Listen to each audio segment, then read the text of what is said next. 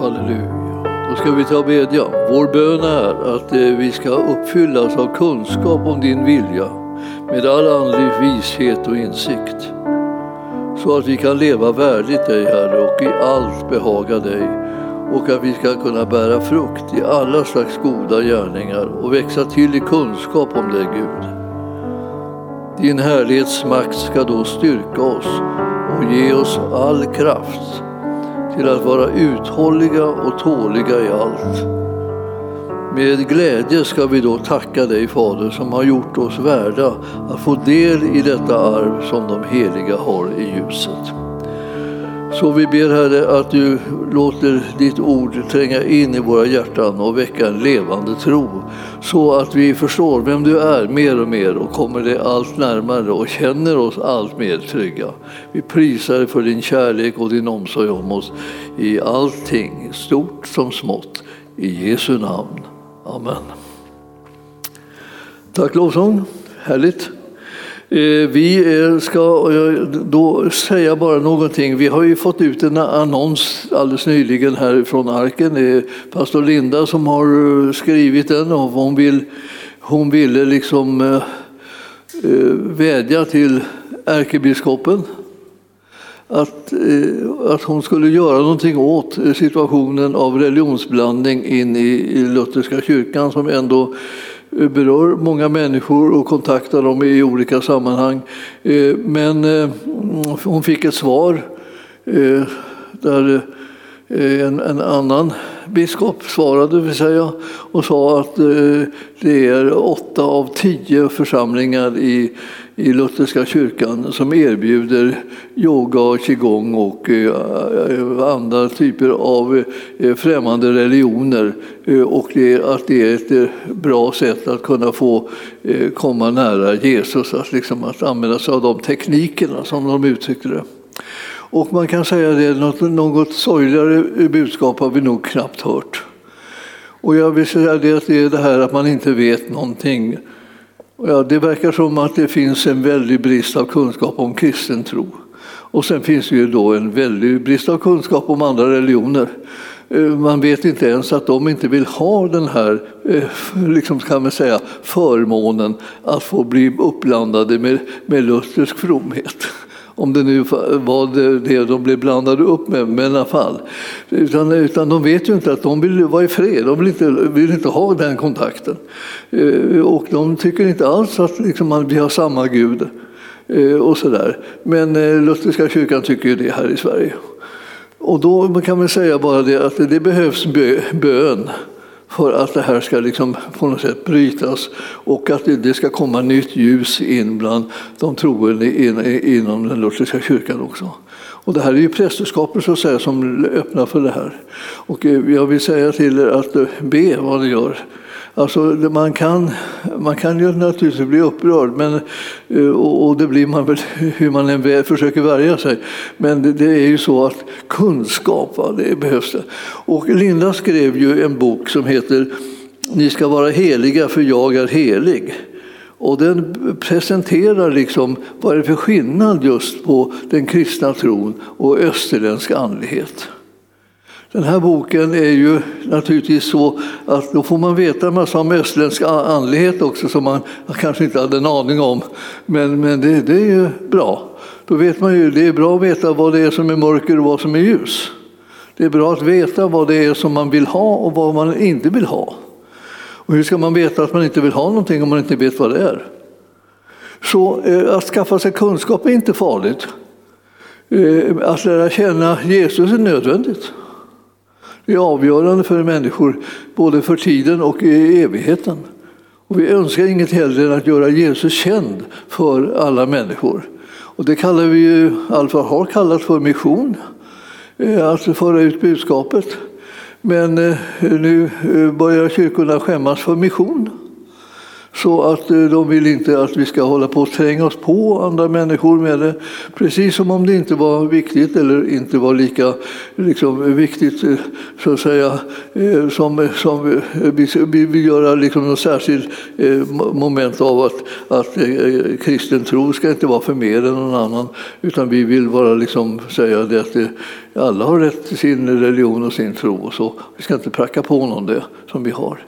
Men vi måste göra Jesus känd.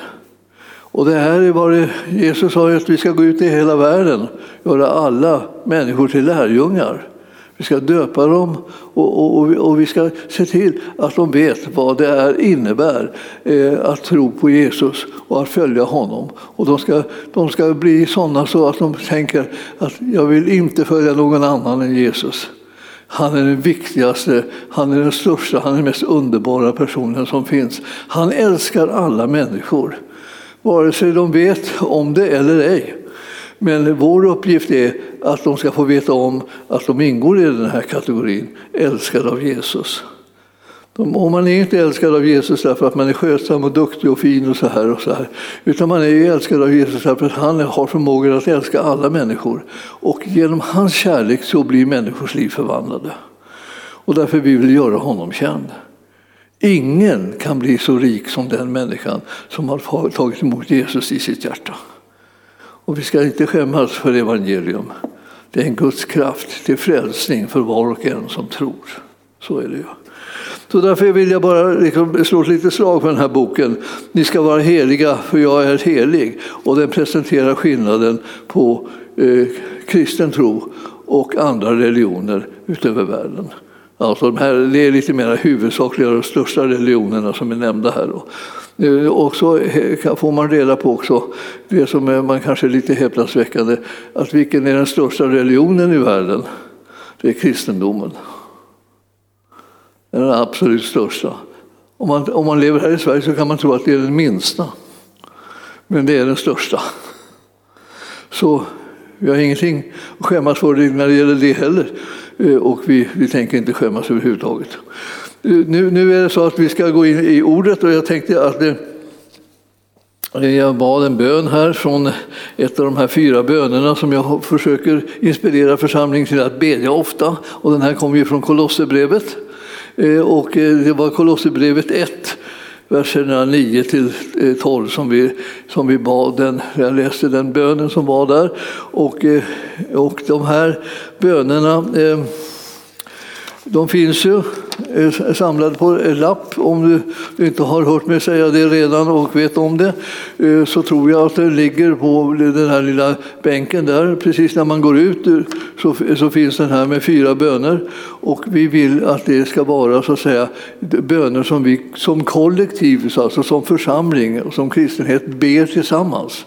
För att vi ska kunna känna igen när Gud ger bönesvar. Vet du, många av oss har verkligen problem med det där. Vi ber och vi ber och vi ber. Och, vi, och, och sedan så plötsligt en dag så märkte vi att vi hade fått bönesvar för flera år sedan. Men, men det, det, och vi blev överraskade och jag märkte inte, säger man då. Ja, varför, varför märker du inte när du får bönesvar? Därför kanske att du är liksom inte riktigt medveten om vad du ber om. Alltså, och, och, du är inte medveten om vem du ber till, det vill säga han som hör bön. Han som ger bönesvar. Han som har gett löften så att du och jag ska kunna få det som vi ber om.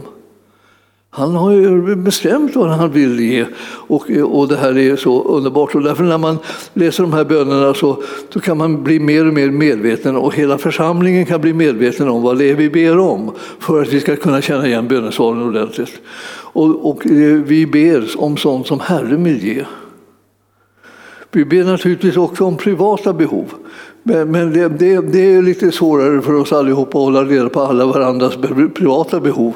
Men det kollektiva behovet som finns i församlingen, det är liksom Jesu önskan att vi ska bedja om det. För det ligger på hans hjärta mer än något annat. Han, kroppen, Kristi kropp, församlingen, är ju hans kropp. Ni vet. Ja, eh, idag så eh, har jag talat om de här eh, fyra bönerna kan vi säga först och främst. Eh, och eh, vi har talat fem gånger om dem därför att det var liksom lite för lite liksom tid för den här, eh, de, de sista två. Då. Mm, eh, så att det, det var Filipperbrevet och Kolosserbrevet och jag talade om dem senast nu. Då. Bäst om Kolosserbrevet där. Idag så ska jag tala om bönhörelse. Och eh, det, det är inte helt enkelt det här med bönhörelse. Därför att eh, vi, vi, tror ibland att det, liksom, att det här är ett känsligt kapitel. Därför att tänk, tänk om vi inte får bönhörelse när vi ber. Och man kan säga det att vi har säkerligen allihopa det gemensamt att vi vet hur det är att inte få bön, bönesvar. Alltså vi har talat om vad det är vi önskar och vad vi behöver och, och, vi vill ropa till Herren och vi har ropat och vi har ropat och vi har ropat och ropat och ropat och ropat. Och så ändå så har det inte blivit ett bönesvar, vad vi har kunnat se. Eh, ja, det vill säga vår personliga önskan har inte varit den som varit högst på listan när det gäller bönesvaren. Utan det har varit andra saker som Herren har velat engagera dig i att bedja för. Men så är det också så att ibland så har du inte varit brytt dig om det här bönesvaret så väldigt mycket. Utan du, du har bara liksom att, att om du råkar komma ihåg att jag visste jag bad ju väl om det där. Ja, ja, Eh, eh, och, och, så har du, märker du att det, det, antingen så fick du plötsligt bönesvar eller så var det så att du eh, inte fick något bönesvar och då tänkte jag att ja, det gör ju ingenting för jag, jag, jag kan klara mig utan det. Och så, så, det är någon slags ljumhet som ibland smyger sig in i liksom det andliga bönelivet här som vi har och vi behöver få liksom, eh, allvar. Och hur ska man kunna få riktigt allvar när det gäller bön? Man måste veta vem man ber till. Man måste veta att det är han som vill mig väl. Det är han som älskar mig över allt förstånd. Det är han som har all makt i himlen och på jorden. Det är honom som vi ber om saker och ting. Och det är han som ger de mest fantastiska löften om bönesvar. Det är honom vi ber till. Och därför så tänkte jag, jag ville, jag ville göra er lite bekanta med, med en man så här, som, som nästan ingen är bekant med. Eh, som, eh, som står i Bibeln. Alltså, det, det, finns, alla är inte eh, kändisar som står i Bibeln. Alltså. Det, det, det, är inte så att alla är som David, liksom, som man kan hela hans livshistoria. Eller alla, är, alla är som Jesus, eller, eller eh, alla är som Marta och Maria som vi hörde om här. De är ju jättekända och, och, så, alltså, och så vidare. Men, men det finns ju en man som, som nästan tänker att ja, konstigt att jag inte vet mer om honom än, än det jag vet, om jag nu vet något. Eh, och han heter Filemon. Han har, han, har, han har ett eget brev eh, riktat till sig från Paulus. Filemon. Ja. Om jag skulle samla in information av er här om, om kunskapen om Filemon. Så, Kanske någon vet någon avigsida liksom, i hans liv. Kanske liksom så och, var inte han som hade en slav? En otäck karl alltså.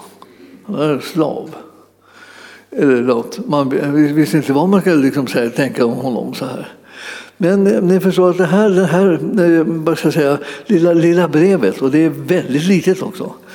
Det hittar ni precis liksom innan, innan eh, eh, Filipperbrevet, eller vad säga, Hebreerbrevet. Filemons, alltså brevet till Filemon.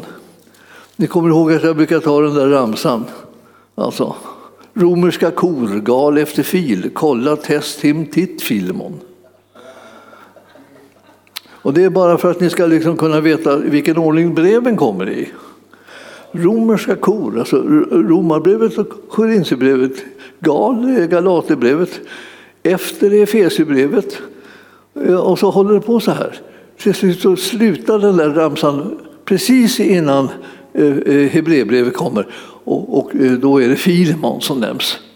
Han har inte ens ett kapitel, eller rättare sagt kanske vi ska säga han har ett kapitel, så man behöver inte skriva ut det.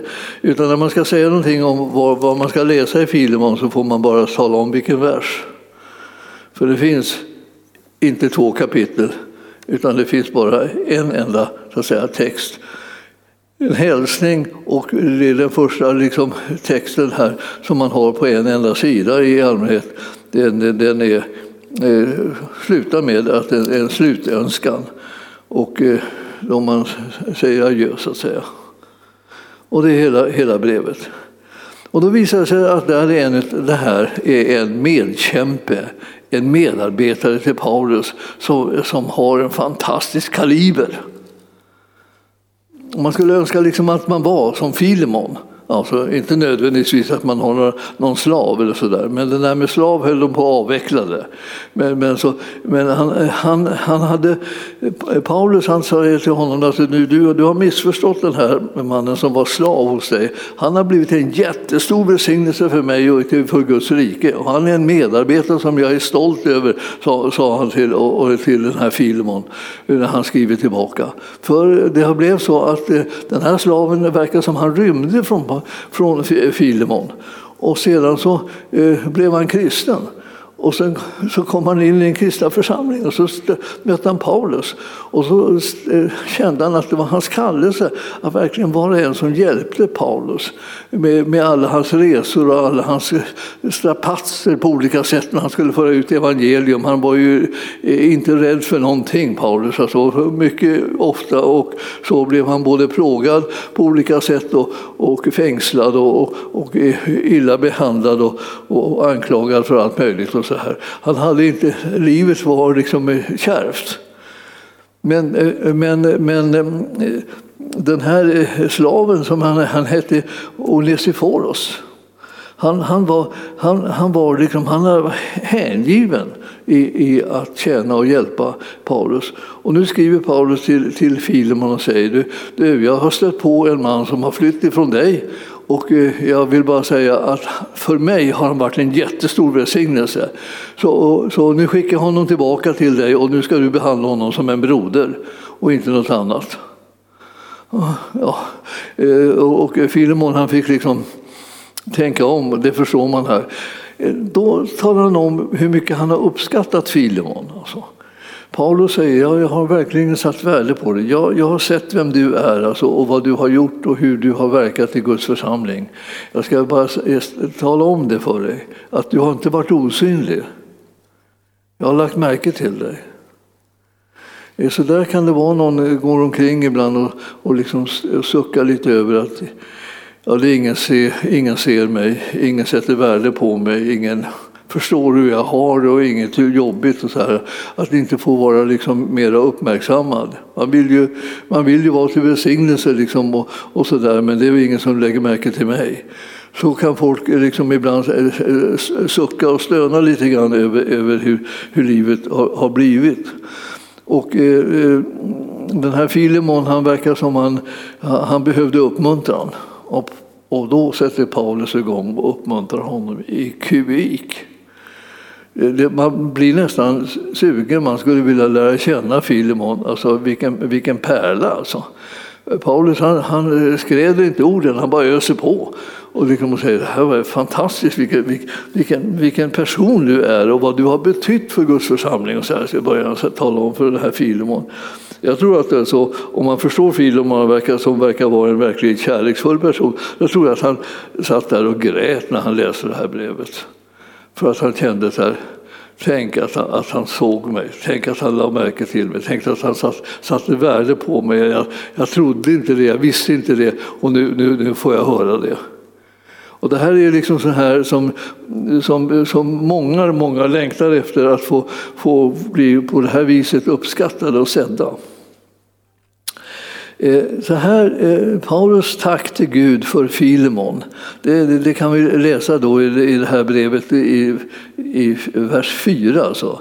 Jag tackar alltid min Gud när jag nämner dig i mina böner får han reda på att, att Paulus, den här stora liksom, evangelisten och profeten och, liksom, och, och aposteln, han, han håller på och ber. Och varje gång han ber så ber han för Filemon.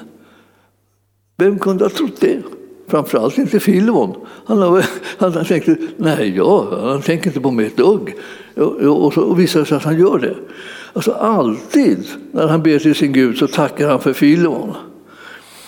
Eftersom jag hör om din kärlek, säger han, och din tro, din tro på Herren Jesus och din kärlek till alla de heliga. Jag hör om det. Det går ut ett gott rykte om dig, att du är liksom en kärleksfull och god människa som vill tjäna Gud och som vill älska med dina medmänniskor i tron. och som vill göra, liksom, göra ett gott intryck på, på människor. Och så står det då i vers 6 där, min bön är att eh, din gemenskap med oss i tron ska visa sig verksam och ge en klar insikt om allt gott som vi äger tillsammans i Kristus. Han säger att du, du har verkligen en speciell förmåga som gör att du kan få en ingång till människor och du kommer att kunna visa dem vilken fantastisk det är, tillgång det är att lära känna Jesus. Att få veta vem han är och, eh, och, och få del av det goda som han har ordnat. Alltså, vi ska få en insikt om det. Du får inte leva som om du inte visste vilken välsignelse det är att lära känna Jesus och följa honom. Du behöver veta hur välsignat det är. Och så säger han i sjunde versen så här, din kärlek har varit till stor glädje och tröst för mig eftersom de heliga har blivit styrkta i sina hjärtan tack vare dig min broder, säger han. Alltså han är liksom eh, väldigt personlig och nära. Liksom, och, och, eh, och som, jag, eh, som jag ser det framför mig när jag läser det så tänker jag, och Filemon han sitter och hulkar liksom, och, och gråter av gripenhet över att han är faktiskt att han är känd av, av, av, av aposteln. Alltså vilken, vilken, vilken, vilken överraskning! Alltså, och, och det här det här var hans verksamhet. Liksom, han, han, han har haft en verksamhet som har kommit av att han har fått en verkligt levande tro. Du vet att det händer med de kristna lite olika saker. Ibland så är de som gömma va? Och, liksom, och, och, och, och, lite avslagna och lite sega och lite så här. Och, och ibland så plötsligt så, så börjar de se och, och, förstå vem det är som de tjänar och vem det är de följer. Och så börjar de brinna för glatta livet och liksom det, blir, det blir som liksom en resning av dem. De kan inte låta bli längre eh, att tala om vad de har sett och hört. Och de kan inte låta bli att tala om hur underbar Jesus är. Och de kan inte gå omkring och låta sig skrämmas till tystnad utan de blir tvungna att berätta liksom, ja men Jesus, honom följer jag, det är det underbaraste, det är det bästa val jag har gjort i hela mitt liv när jag tog emot Jesus. Ingen ska tro att jag skäms för honom ett skvatt. Utan jag var, det är min stolthet och min glädje att få räknas bland dem som är Jesu lärjungar. Ja, om man kläcker ur sig någonting sånt där, vet du, då, då, då, då häpnar folk. För de tänker, det, det, det är väl ingen som vågar säga sånt där. Man måste ju ligga lågt, man måste vara försiktig. Man måste, det måste man ju inte alls. Man måste vara glad över att man är frälst och stolt över att man tjänar en sån Herre som Jesus Kristus. Han som är så god, han som är Guds kärleksförklaring till människor. Och han har så älskat dig så kopiöst att, att han sände sin son och lät honom gå igenom det värsta tänkbara liksom för att rädda dig och mig och så vi som är här. Då ska vi inte liksom försöka dämpa ner det, liksom, det ska vara synligt. Det ska klart att det ska vara synligt. Så att det här Filemon han, han, var ju en sån här, en sån här man som, som hade blivit berörd av evangeliet och som hade fått sitt liv förvandlat. Det verkar som att han var eh, ganska eh, rik, alltså, Eh, Filemon, och, eh, liksom, och var så där så att han till och med hade slavar liksom, och, och, så där, och hade det väl ställt liksom, på det ekonomiska planet. Men det var ändå så att det där höll på att ändra sig nu.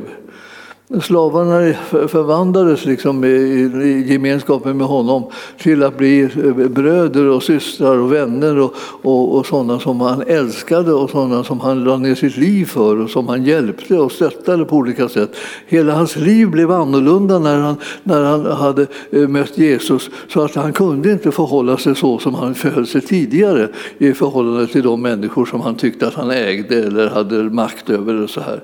Han var inte densamme längre. Och du vet, eh, du och jag behöver inte heller vara det. Utan när vi har, vi har mött Jesus så, så kan vi förvandlas. Vi kan förändras. Vi kan vara frimodiga, vi kan vara stolta och glada över att vara sådana som, eh, som har en mästare som Jesus, som deras Gud och Herre. Och jag, jag tänkte att den här, det här lilla brevet här det, det, det håller han på och talar om de här sakerna för nu säger han, nu kommer jag skicka tillbaka eh, din eh, gamla slav som inte längre är din slav utan är din broder.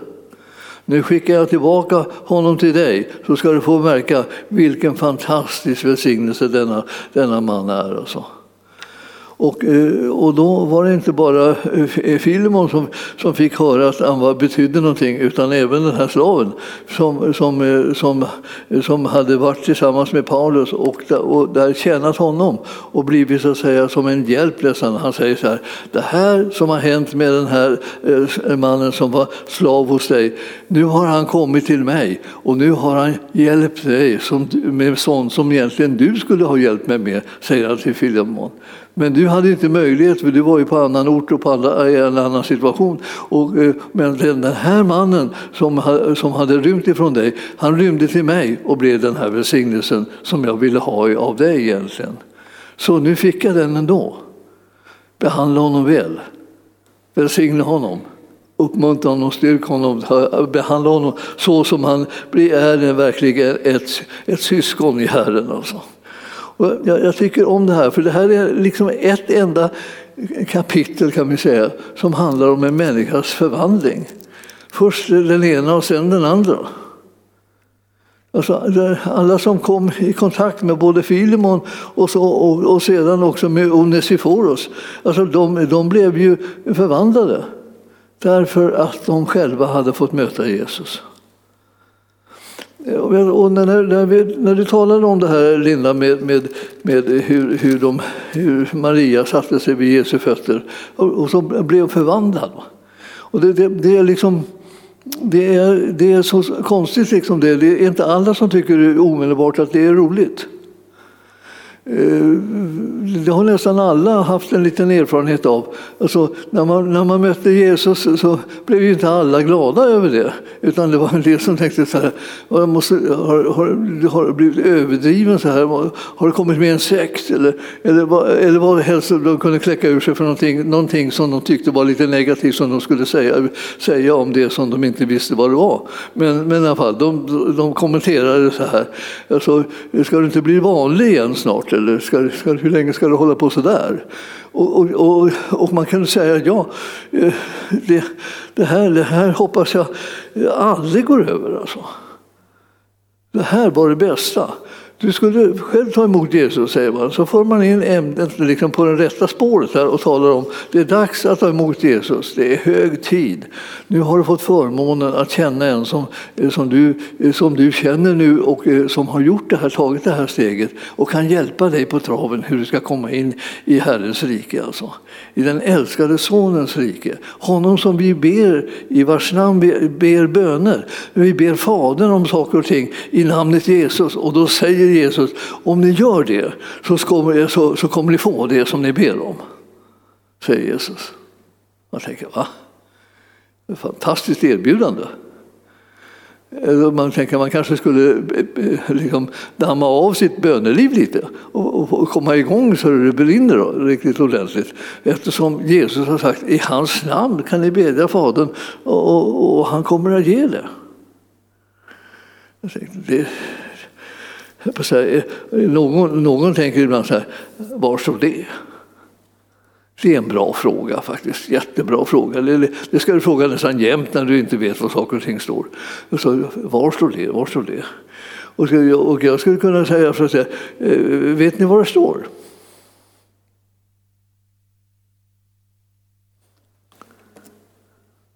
Är det någon som har något förslag?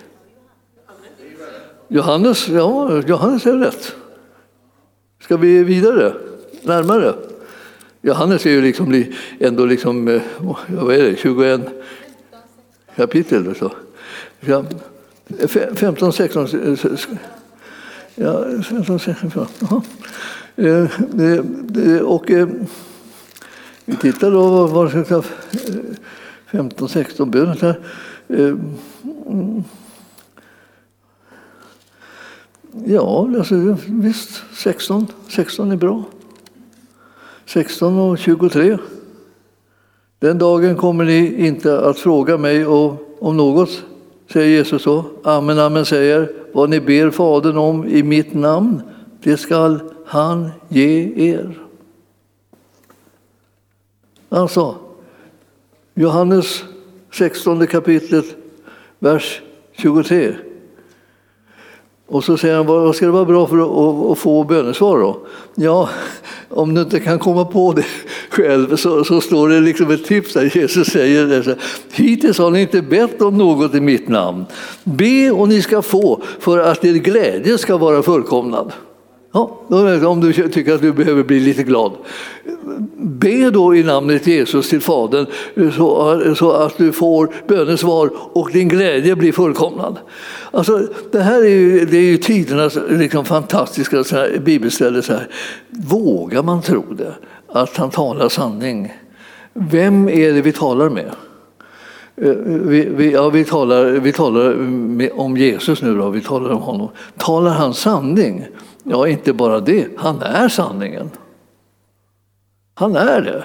Så du förstår, här är det ju liksom inte något liksom, liten, liksom, ja han är, han är lite sann ibland om man, tar, om man råkar komma vid ett särskilt gynnsamt tillfälle, då, då, då kanske han ger vad du ber om. Nej, alltså, han säger inte så, utan han, han säger bara det att det här ska ni förstå, att eh, ni ska, ni ska bedja och så ska ni få. Och det, det, och målet är så, ett sånt enkelt litet mål att er glädje ska bli fullkomlig. Klarar inte ni er utan att vara glada? Måste ni vara glada hela tiden då? då? Eh, är, är, det, är det så, så är det krävande? Om jag inte blir glad så vill jag inte vara med. Eh, nej, det är klart att det, det, är inte det, men han ger alltid det överflödande. Det här, är, det här är en kärleksförklaring till dig och mig, att han vill att vi ska kunna bli glada medeltid. Alltså. Men, men man känner ju att, man känner att det, man, man är, är, är lite ovana vid hur Jesus egentligen är. Ja, det, vore, det vore illa. För att eh, är det någonting som är hälsosamt att veta som kristen, det är hurdan Jesus är. Han är så god. Han älskar oss. Han vill oss väl. Alltså, ni förstår, det här är inte, han, han, han till och med alltså, han håller på liksom och eh, förestavar så här. Nu ska ni veta eh, att ni, när ni ber Fadern om någonting så här i mitt namn, då ska han ge det. Säger han, säger Förstod ni det här nu då? Alltså, eh, ni har ju, hittills har ni inte bett så bra så här, liksom, om någonting i, i mitt namn. Därför så, eh, har, det inte, har det inte dykt upp några bönesvar. Men alltså, nu ska ni göra, be så här. Be och ni ska få, för att enkelhetens skull bara tala om det. Eh, och, och varför det då? Eh, är, det, är det värdigt bönesvar? Är, är jag värd ett bönesvar? Det står inte alls det. Det står så här, för att du, din glädje ska vara fullkomlig. Det räcker för Jesus att du blir glad. Ja, det är ju otroligt. Det, det, det räcker inte för någon annan att jag blir glad. Om jag tjoar och håller på och är lite glad så ska, jag, vad har du för anledning att vara så där glad? De liksom vill lägga ett lock på en istället, liksom dämpa en, liksom, lugna ner det här. Vi ska, det är högtidligt det här, det är viktigt. Vi pratar, vi pratar om Gud. Men det här förstår ni, liksom, så här är det när man har att göra med Jesus. Och om man inte kommer ihåg vem Jesus är, då kommer han be små alltså knepiga, knastriga böner som, som inte är, de är så otydliga så man riskerar inte att bli besviken när man inte får svaret. Tänk dig det, du ber sådana dåliga böner så du inte vill ha svaret ens en gång. Du vill bara tänka, det var skönt, då blir jag inte besviken på honom i alla fall. Och, så, och, och, eh, det här, förstår ni, vi, vi har en sån väldigt konstig relation så vi måste sätta igång och odla den relationen. Jag tror alltså att ju mer du lär känna Jesus och ju mer du liksom ser vem han är och vad han gör och hur han behandlar människor, inklusive dig, så kommer du bli allt tryggare och frimodigare i ditt böneliv. Och du, du, kan till och med tillåta dig att bli glad över en sak. Bara så här. Så, det, var det där verkligen nödvändigt att du fick det där bönesvaret? Var det nödvändigt? Kunde inte han gett dig något mer eh, djuplodande, eh, tungt vägande bönesvar? Tänk på hela världens nöd. Och då, och då, förstår du inte att människor eh, lider nöd i världen. Ska inte du sitta där och tjata om en chipspåse?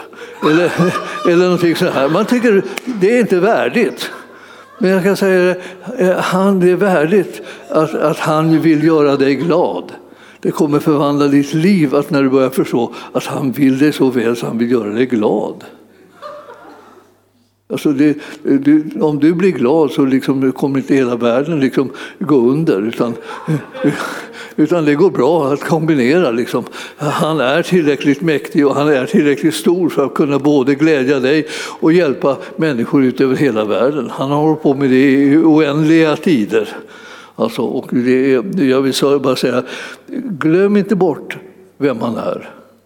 För då, det ändrar ditt sätt att vara och tänka och reagera på saker och ting. Din frimodighet behöver ha i rörelse. Och inte bara liksom på något sätt, det ska alltid vara så fantastiskt eh, allvarligt allting så att, så att du knappt kan andas. Alltså. Eh, det, nej, ja, jag skulle säga att det här, nu har vi hittat ett bibelställe där, det 16 kapitlet och, och, du kan läsa 17 också liksom, och, och, du får reda på en massa saker om hur Jesus är. Du behöver känna honom. Och eh, eh det, det, här är, I det här lärjungaskapet som eh, vi, vi såg att Filemon har blivit indragen i, så ingick det här att lära känna eh, Jesus. Alltså. Om man lär känna Jesus eh, så börjar man liksom på något sätt, på olika sätt bli ett föredöme för andra människor. Man börjar, man börjar likna honom på olika sätt. Och eh, det här med, med Filimon, han, han, han, var alltså, han hade fått igång en tro som var verksam. Måste man göra sig och så när man är kristen? Ja, du vet att om du får en tro som är verksam så blir det så att, att när du får tro på det som Herren talar och det han har gjort och det han, det han säger till dig och så. När du får tro på de sakerna, då börjar du bära frukt. Då börjar du ändra ditt sätt att, att, att leva, hur du vill leva, vad du vill göra, därför att han är så god mot dig. Och den här, det här med att få en sån här typ av, av verksam tro, eh, det är det som är liksom processen som sätter igång när vi liksom börjar bli mer och mer Jesu lärjungar. Vi följer honom, vi, vi vill likna honom, vi vill, vi vill eh, eh liksom eh, lyssna till hans ord och vi, vi vill låta oss präglas av honom. Och, eh, och sen blir vi föredöme för andra människor mer och mer. Det kan hända att de rent av behöver någon att titta på eh, alla har eh, inte lika lätt liksom att bara sitta och titta på någon sån här fantasibild liksom om hur, hur Jesus ser ut eller, liksom, eller en bild så här liksom av honom på korset eller, eller, eller hur han står där med, inför skarorna och delar ut bröd liksom, till alla. Eller, eller sånt där. Man tänker, det här är, det, de som har målat har inte varit där. Och jag, jag lärde mig det en, en gång eh, jag gick till en kyrka som hade en konstutställning. Och den, var, och den skulle vara bibliska motiv. Det var det att de hade eh, valt en, en konstnär som inte var kristen. Då.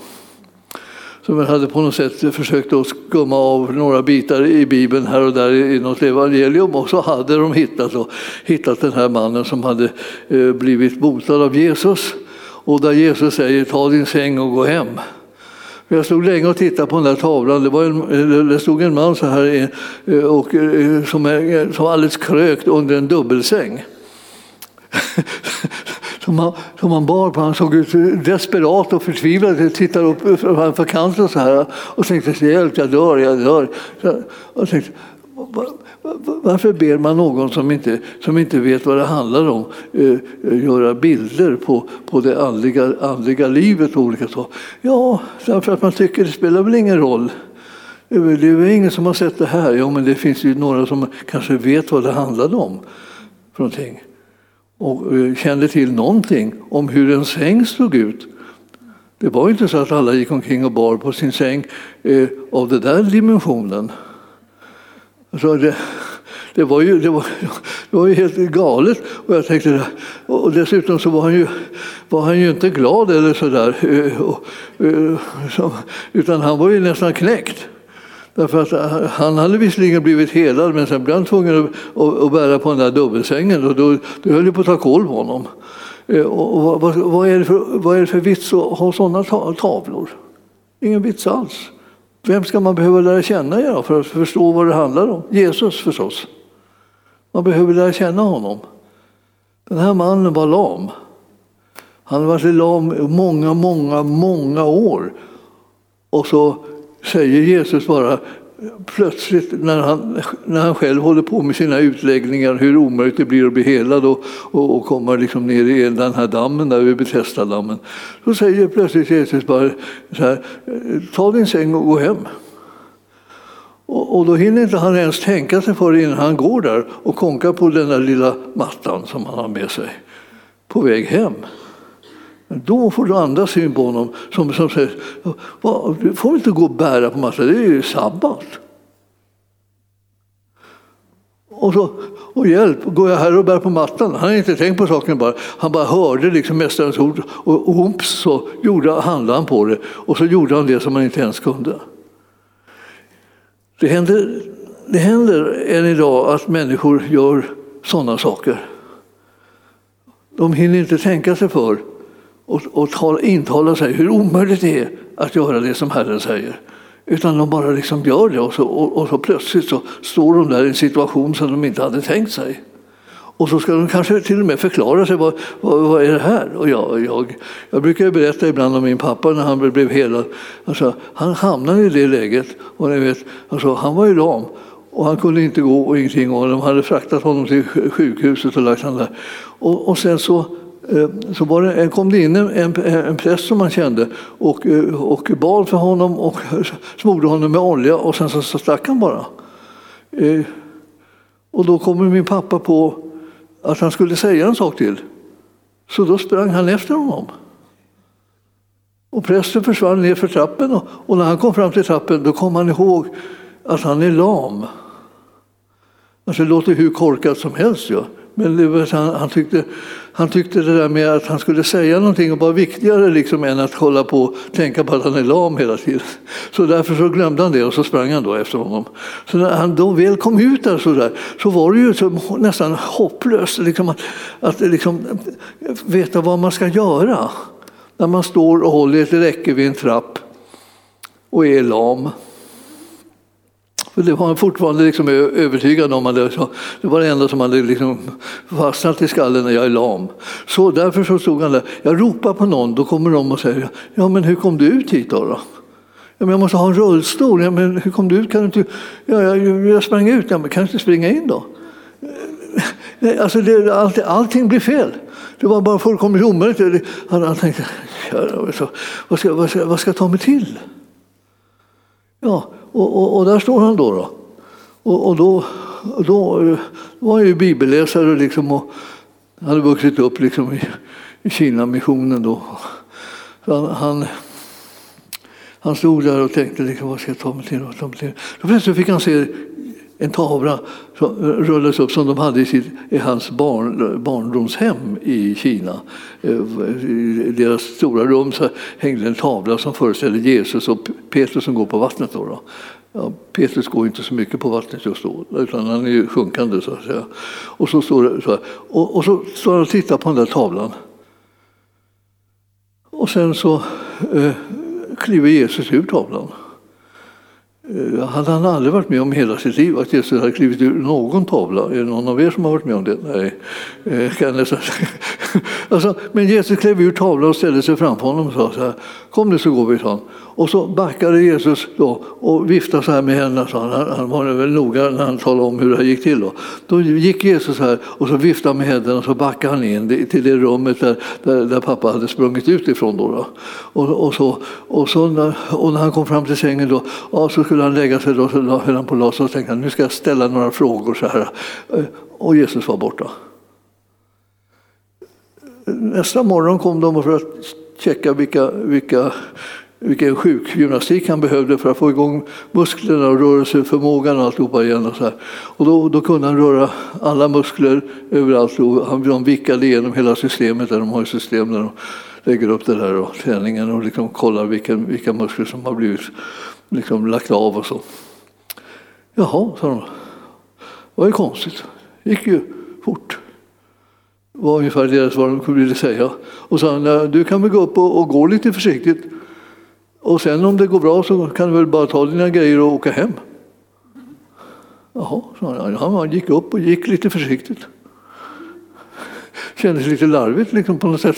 För han kände ju liksom inte någon behov av att gå särskilt försiktigt. Han kände sig som vanligt. Och sen åkte han hem. Och precis när, det liksom, när han hade kommit hem och eh, så där, så skulle jag ta reda på var, var, vilket sjukhus han låg på och var, vilken sal och så där. Så jag åkte upp till min mamma och, pappa där och ringde på dörren för att fråga mamma då hur det var. Och då öppnade han dörren. Och då säger jag det som man, som man inte vill att man skulle ha sagt. Nämligen så här, här öppnar pappa dörren och står där liksom alldeles normal. Så här. Och, så säger, och då frågar jag, vad öppnar du dörren för? frågade jag. Jag kunde inte, heller, jag kunde inte, jag kunde inte bromsa mig. Liksom. Jag, det, var, det var bara det häpnadsväckande. Han ska inte öppna dörren. Han, han skulle ligga på sjukhuset och vara förlamad. Liksom. Och jag skulle, eh, skulle komma på besök. Liksom, och så där. Men, men det var den fråga som jag kläckte ur mig. Alltså, alla möjliga saker liksom blev annorlunda än vad jag hade trott. Och, eh, och så där, så där är det när man har att göra med Jesus. Det kan bli så annorlunda så att man förstår inte sig på sig själv. Man tänker, jag ska inte kunna tänka mig för lite grann. Kan inte, så Och det där tyckte pappa var roligt. Alltså. Ja, vad såg jag här för, sa han. Jag kunde inte svara på det. Jag förstod inte, jag förstod inte varför han Jag hade ju sett honom, låg, han låg ju där som, som en, liksom en liksom överkokt sparris, som vi säger så. Alldeles, alldeles liksom förlamad och dan och kunde inte tala och ingenting. Och sen står han där. Vad ska man, vad ska man säga? Liksom? Ja, man säger fel saker hur man än vrider och vänder på det. Liksom. Därför att det här var ju liksom någonting som övergick ens förstånd. Och vem hade varit framme? Jesus hade varit framme och botat honom.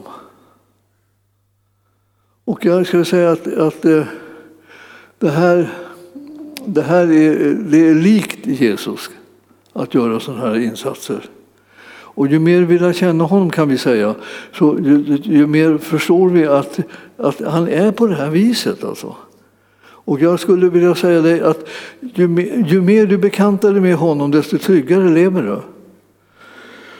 Inte bara då när det är liksom lugnt och skönt och allt är som vanligt, utan också du kan vara trygg när ingenting är som vanligt och allt är liksom eh, huller om buller och hela, hela livet skakar.